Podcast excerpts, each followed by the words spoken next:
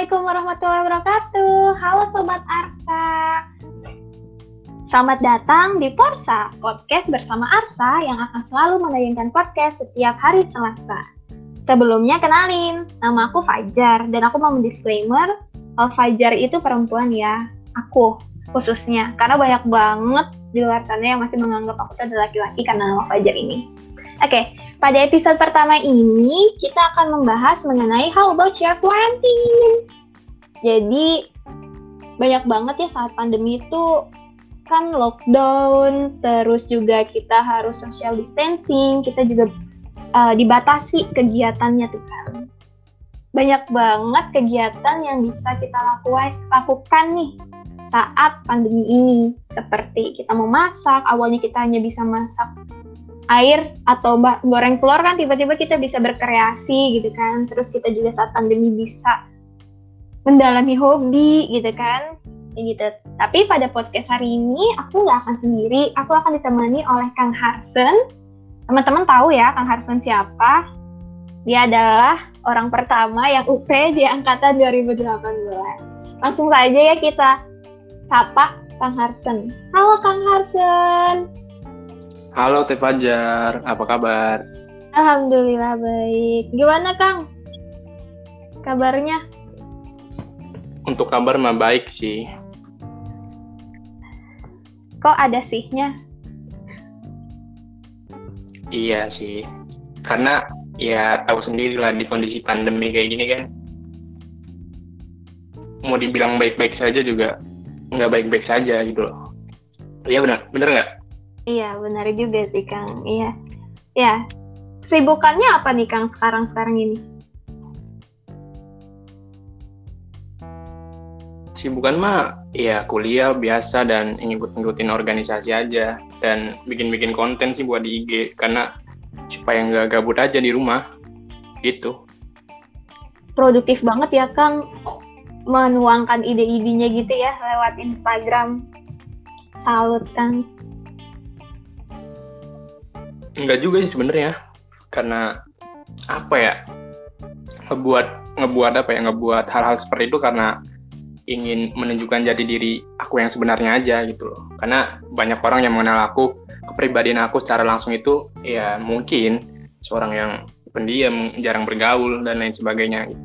jadi aku punya dunia sendiri bahwa aku tuh aku tuh ingin menuangkan apa yang mengenalkan sosok diri aku tuh ya seperti ini. Dan uh, tempatnya itu di media gitu. Seperti itu. Oke, oh ternyata latar belakangnya seperti itu ya Kang. Mungkin bisa kita langsung masuk aja kali ya Kang ya beberapa pertanyaan nih yang aku pengen tanyain ke Kang Hansen, boleh Kang? Waduh, boleh banget. Oke, nah selama pandemi ini gimana sih kan situasi di daerah Kang Harsen? Kang Harsen tuh di Cirebon ya? Iya, aku di Cirebon dan selalu di Cirebon. Kalau ke Nangor juga kalau ada keperluan aja. Kondisi pandemi di kota Cirebon itu aku nggak terlalu mengamati ya dan aku juga jarang lihat berita mengenai pandemi COVID ini. Dan tapi di Cirebon ini kondisinya normal-normal aja gitu nggak ada apa ya nggak ada uh, pencegahan yang ketat untuk pandemi ini tapi uh, normalnya orang-orang sadar dan pakai masker gitu apa yang ngejaga protokol kesehatan yang udah diterapin pemerintah. Gitu sih kalau kondisi di sini.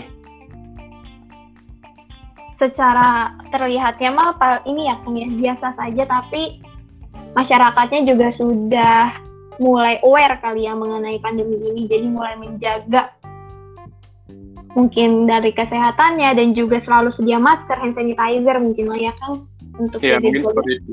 Karena ya apa ya udah lama juga kan udah dikasih peringatan ke, dari pemerintah masa nggak sadar-sadar gitu loh. Itu sih. Iya benar kang benar banget. Nah selama pandemi ini pasti setiap orang kan memiliki keluh kesah ya kang. Nah kalau dari kang Harsen nih punya nggak sih kang keluh kesahnya gitu selama pandemi ini? Aduh keluh kesah kalau dijabarin banyak banget ya. Tapi yang paling ketara itu masalah finansial kalau dari aku sendiri ya. Apa ya? Yang awalnya pas waktu aku masih offline kuliah itu bisa kerja part time dan ngasilin dari mana pun kayak kalau di kuliah kan jual danusan kayak gitu ya kan. Sekarang mah kan nggak bisa gitu. Mau kerja juga nggak ada yang ngebuka lowongan pekerjaan mau jualan juga bingung gitu loh. Yang paling apa ya yang kalau dari aku sendiri yang paling kelihatan itu yang paling aku keluh kesah itu masalah finansial gitu. Dan kalau misalnya masalah pertemanan atau sosial kayak gitu aku masih bisa nahan gitu. Seperti itu Fajar. Iya Kang, bener banget. Kalau misalnya udah urusan finansial, sepertinya semua sektor juga merasakan hal yang sama ya Kang. Mulai dari kalangan atas dan juga bawah, mengenai finansial itu memang hal yang apa ya, udah bisa bisa dibilang perputaran ekonomi memang sangat-sangat dibutuhkan gitu ya Kang ya. Bener banget. Nah sih, kalau misalnya saat offline kan kita bisa tuh ya Kang ya menutup kekurangan uang bulanan kita dengan danus kerja part time. Tapi kalau misalnya online juga bingung ya. Mau sebenernya, kayak gimana?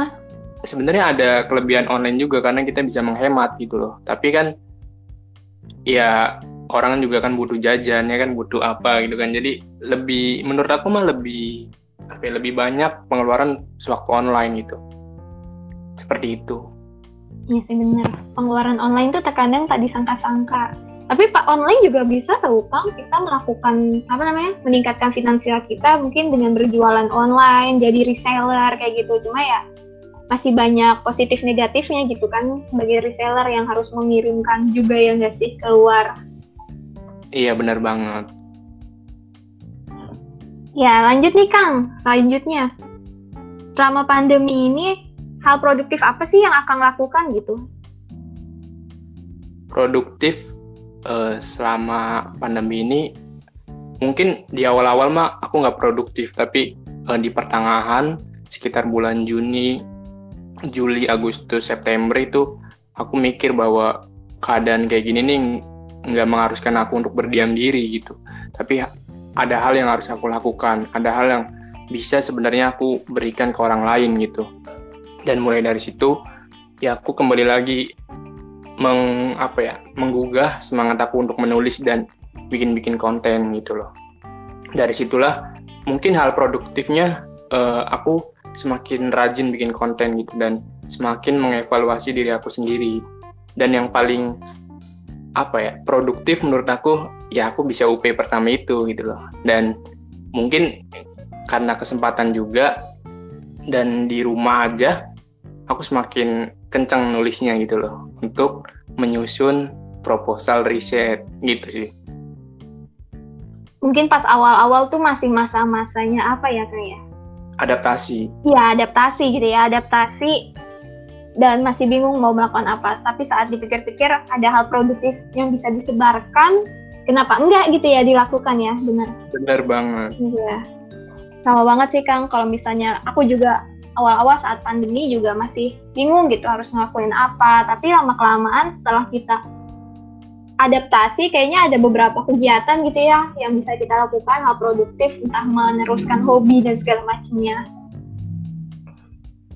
benar banget Fajar karena pandemi ini bukan halangan untuk kita berkarya sebenarnya ada ada apa apa namanya ada banyak hal yang bisa kita lakukan gitu itu balik lagi bagaimana kita uh, apa ya mengambil kesempatan di waktu yang seperti ini gitu sih.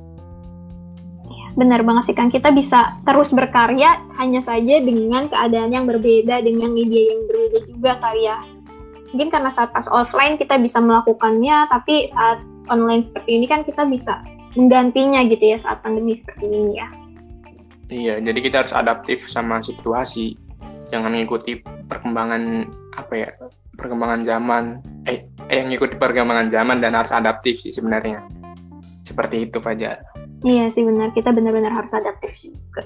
Nah pasti selama pandemi ini ya Kang Hansen pernah gitu loh ngerasain titik jenuh ataupun bosan ya karena kayak online lagi online lagi gitu kan segala kegiatan mulai dari organisasi ataupun apa perkuliahan. Nah, gimana sih Kang buat ngatasin rasa bosan dan juga jenuh gitu apalagi di masa-masa pandemi ini? Kalau dari Kang Harsen sendiri gimana?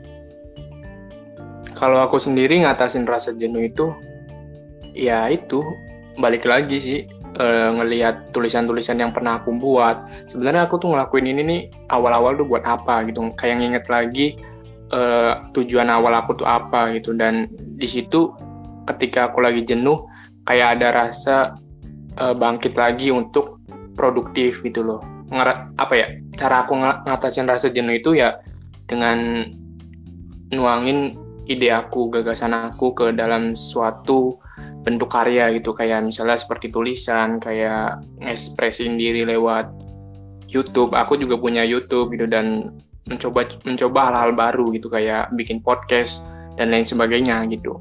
Jadi jenuh aku itu bukan kepada hal yang uh, membuang-buang duit kayak misalnya jalan-jalan kayak gitu. Enggak aku mah lebih kayak apa ya menggali potensi diri aku sendiri dan kalau buang-buang duit juga aku kan nggak punya duit jadi aku alihinnya ke hal-hal yang apa ya aku alihinnya ke hal-hal yang bisa bermanfaat bagi orang lain gitu sih Oke, mungkin bukan nggak punya duit Kang, belum punya, tapi suatu saat akan punya, ya nggak sih? Iya belum punya, tapi kan pada waktu itu nggak punya duit gitu loh. Ini jujur-jujur aja ini mak, ini namanya juga hidup ya kan? Iya bener, namanya juga hidup iya.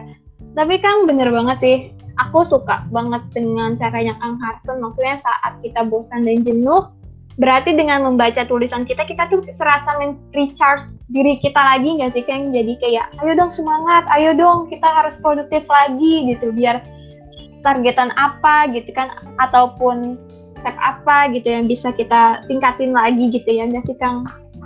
Bener banget. Mungkin setiap orang punya caranya berbeda-beda tapi itulah cara aku untuk menghilangkan rasa jenuh. Iya, benar banget sih. Setiap orang punya caranya masing-masing gitu buat keluar dari titik jenuh gitu.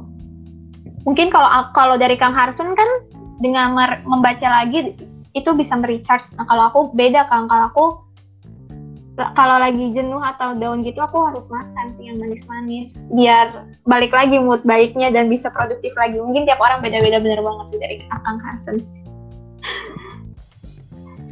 jangan keseringan makan yang manis. Kan kamu udah manis ya. Iya, iya, iya. Aku melting dong, guys. Oke. Okay. ya, lanjut lagi, Kang.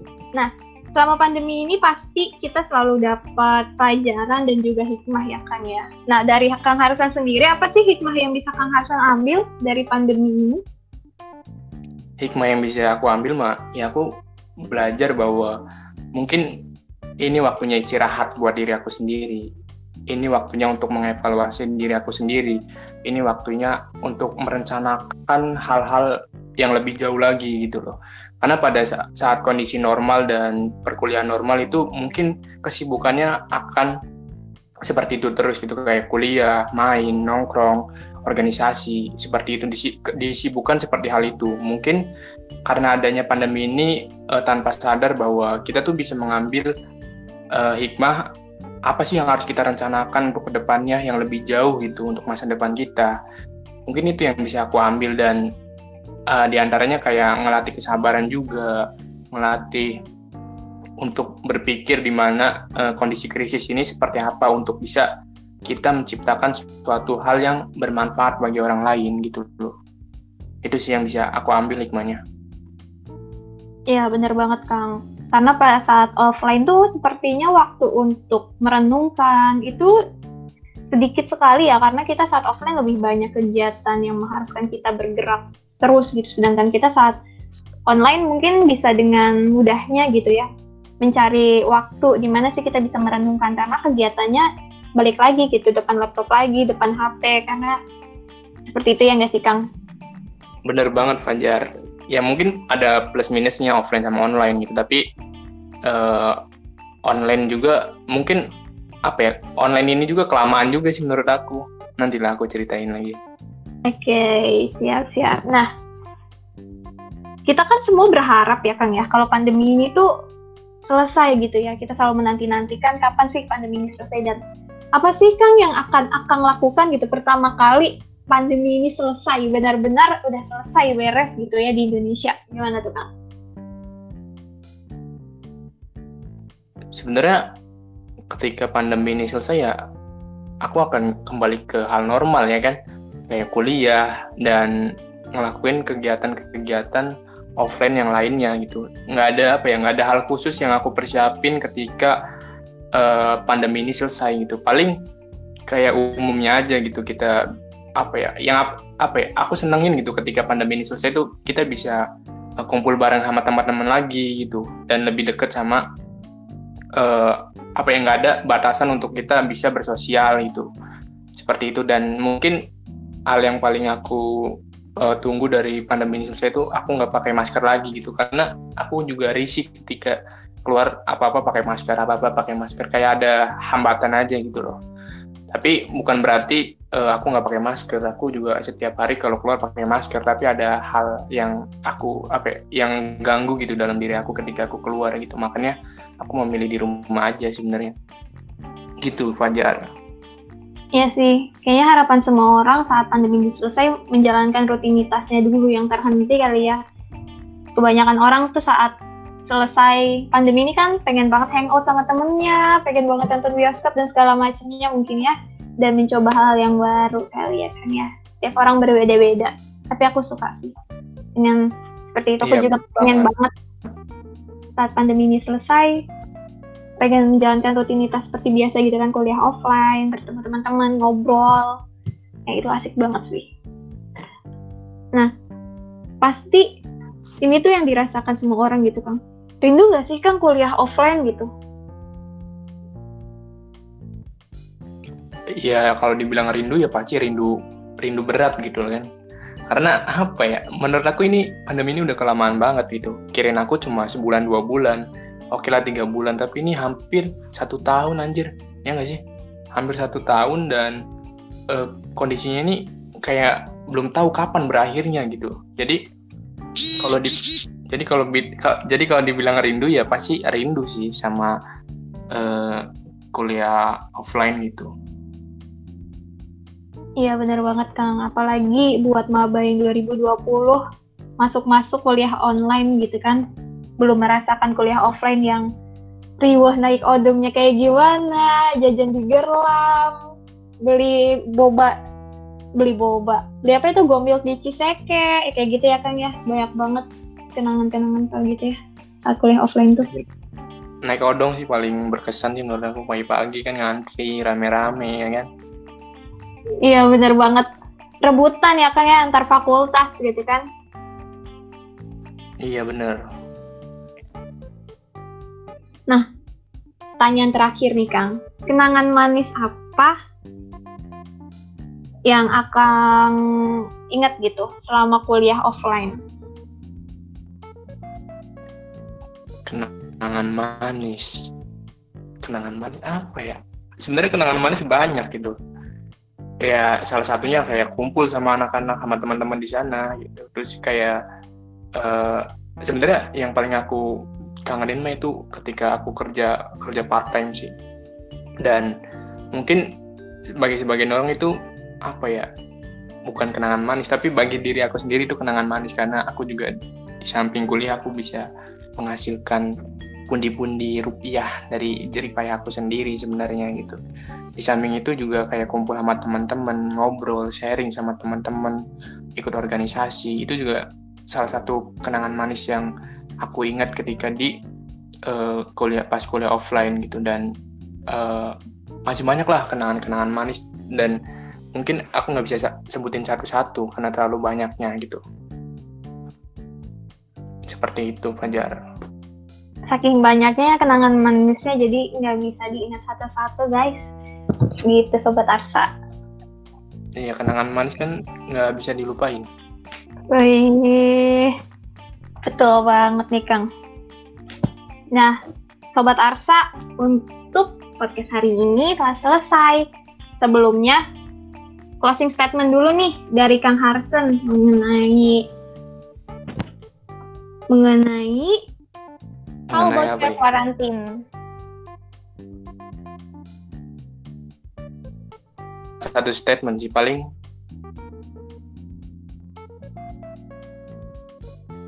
ini akan berjalan sebagai mana waktunya gitu. Tinggal uh, kita menunggu waktu yang tepat untuk kita bisa kembali normal dan di samping berjalannya waktu itu kita harus tetap produktif dan tetap memberi manfaat kepada banyak orang gitu. Oke, terima kasih ya pada Kang Harsen. Wah. Sama-sama, Jadi untuk kegiatan yang Kang Harsen lakukan selama karantina ini sangat produktif banget ya dengan menulis.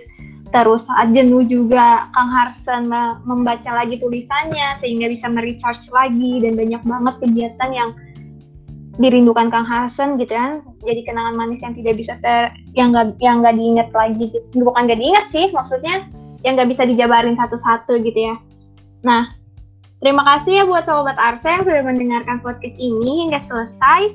Tapi jangan berhenti di satu podcast ini karena di setiap hari Selasanya akan tayang lagi nih Porsa dengan narasumber yang kece dan juga dengan topik yang sangat-sangat teman-teman butuhkan. Jadi, tunggu saja tayangan Forsa selanjutnya dan terima kasih. Assalamualaikum warahmatullahi wabarakatuh.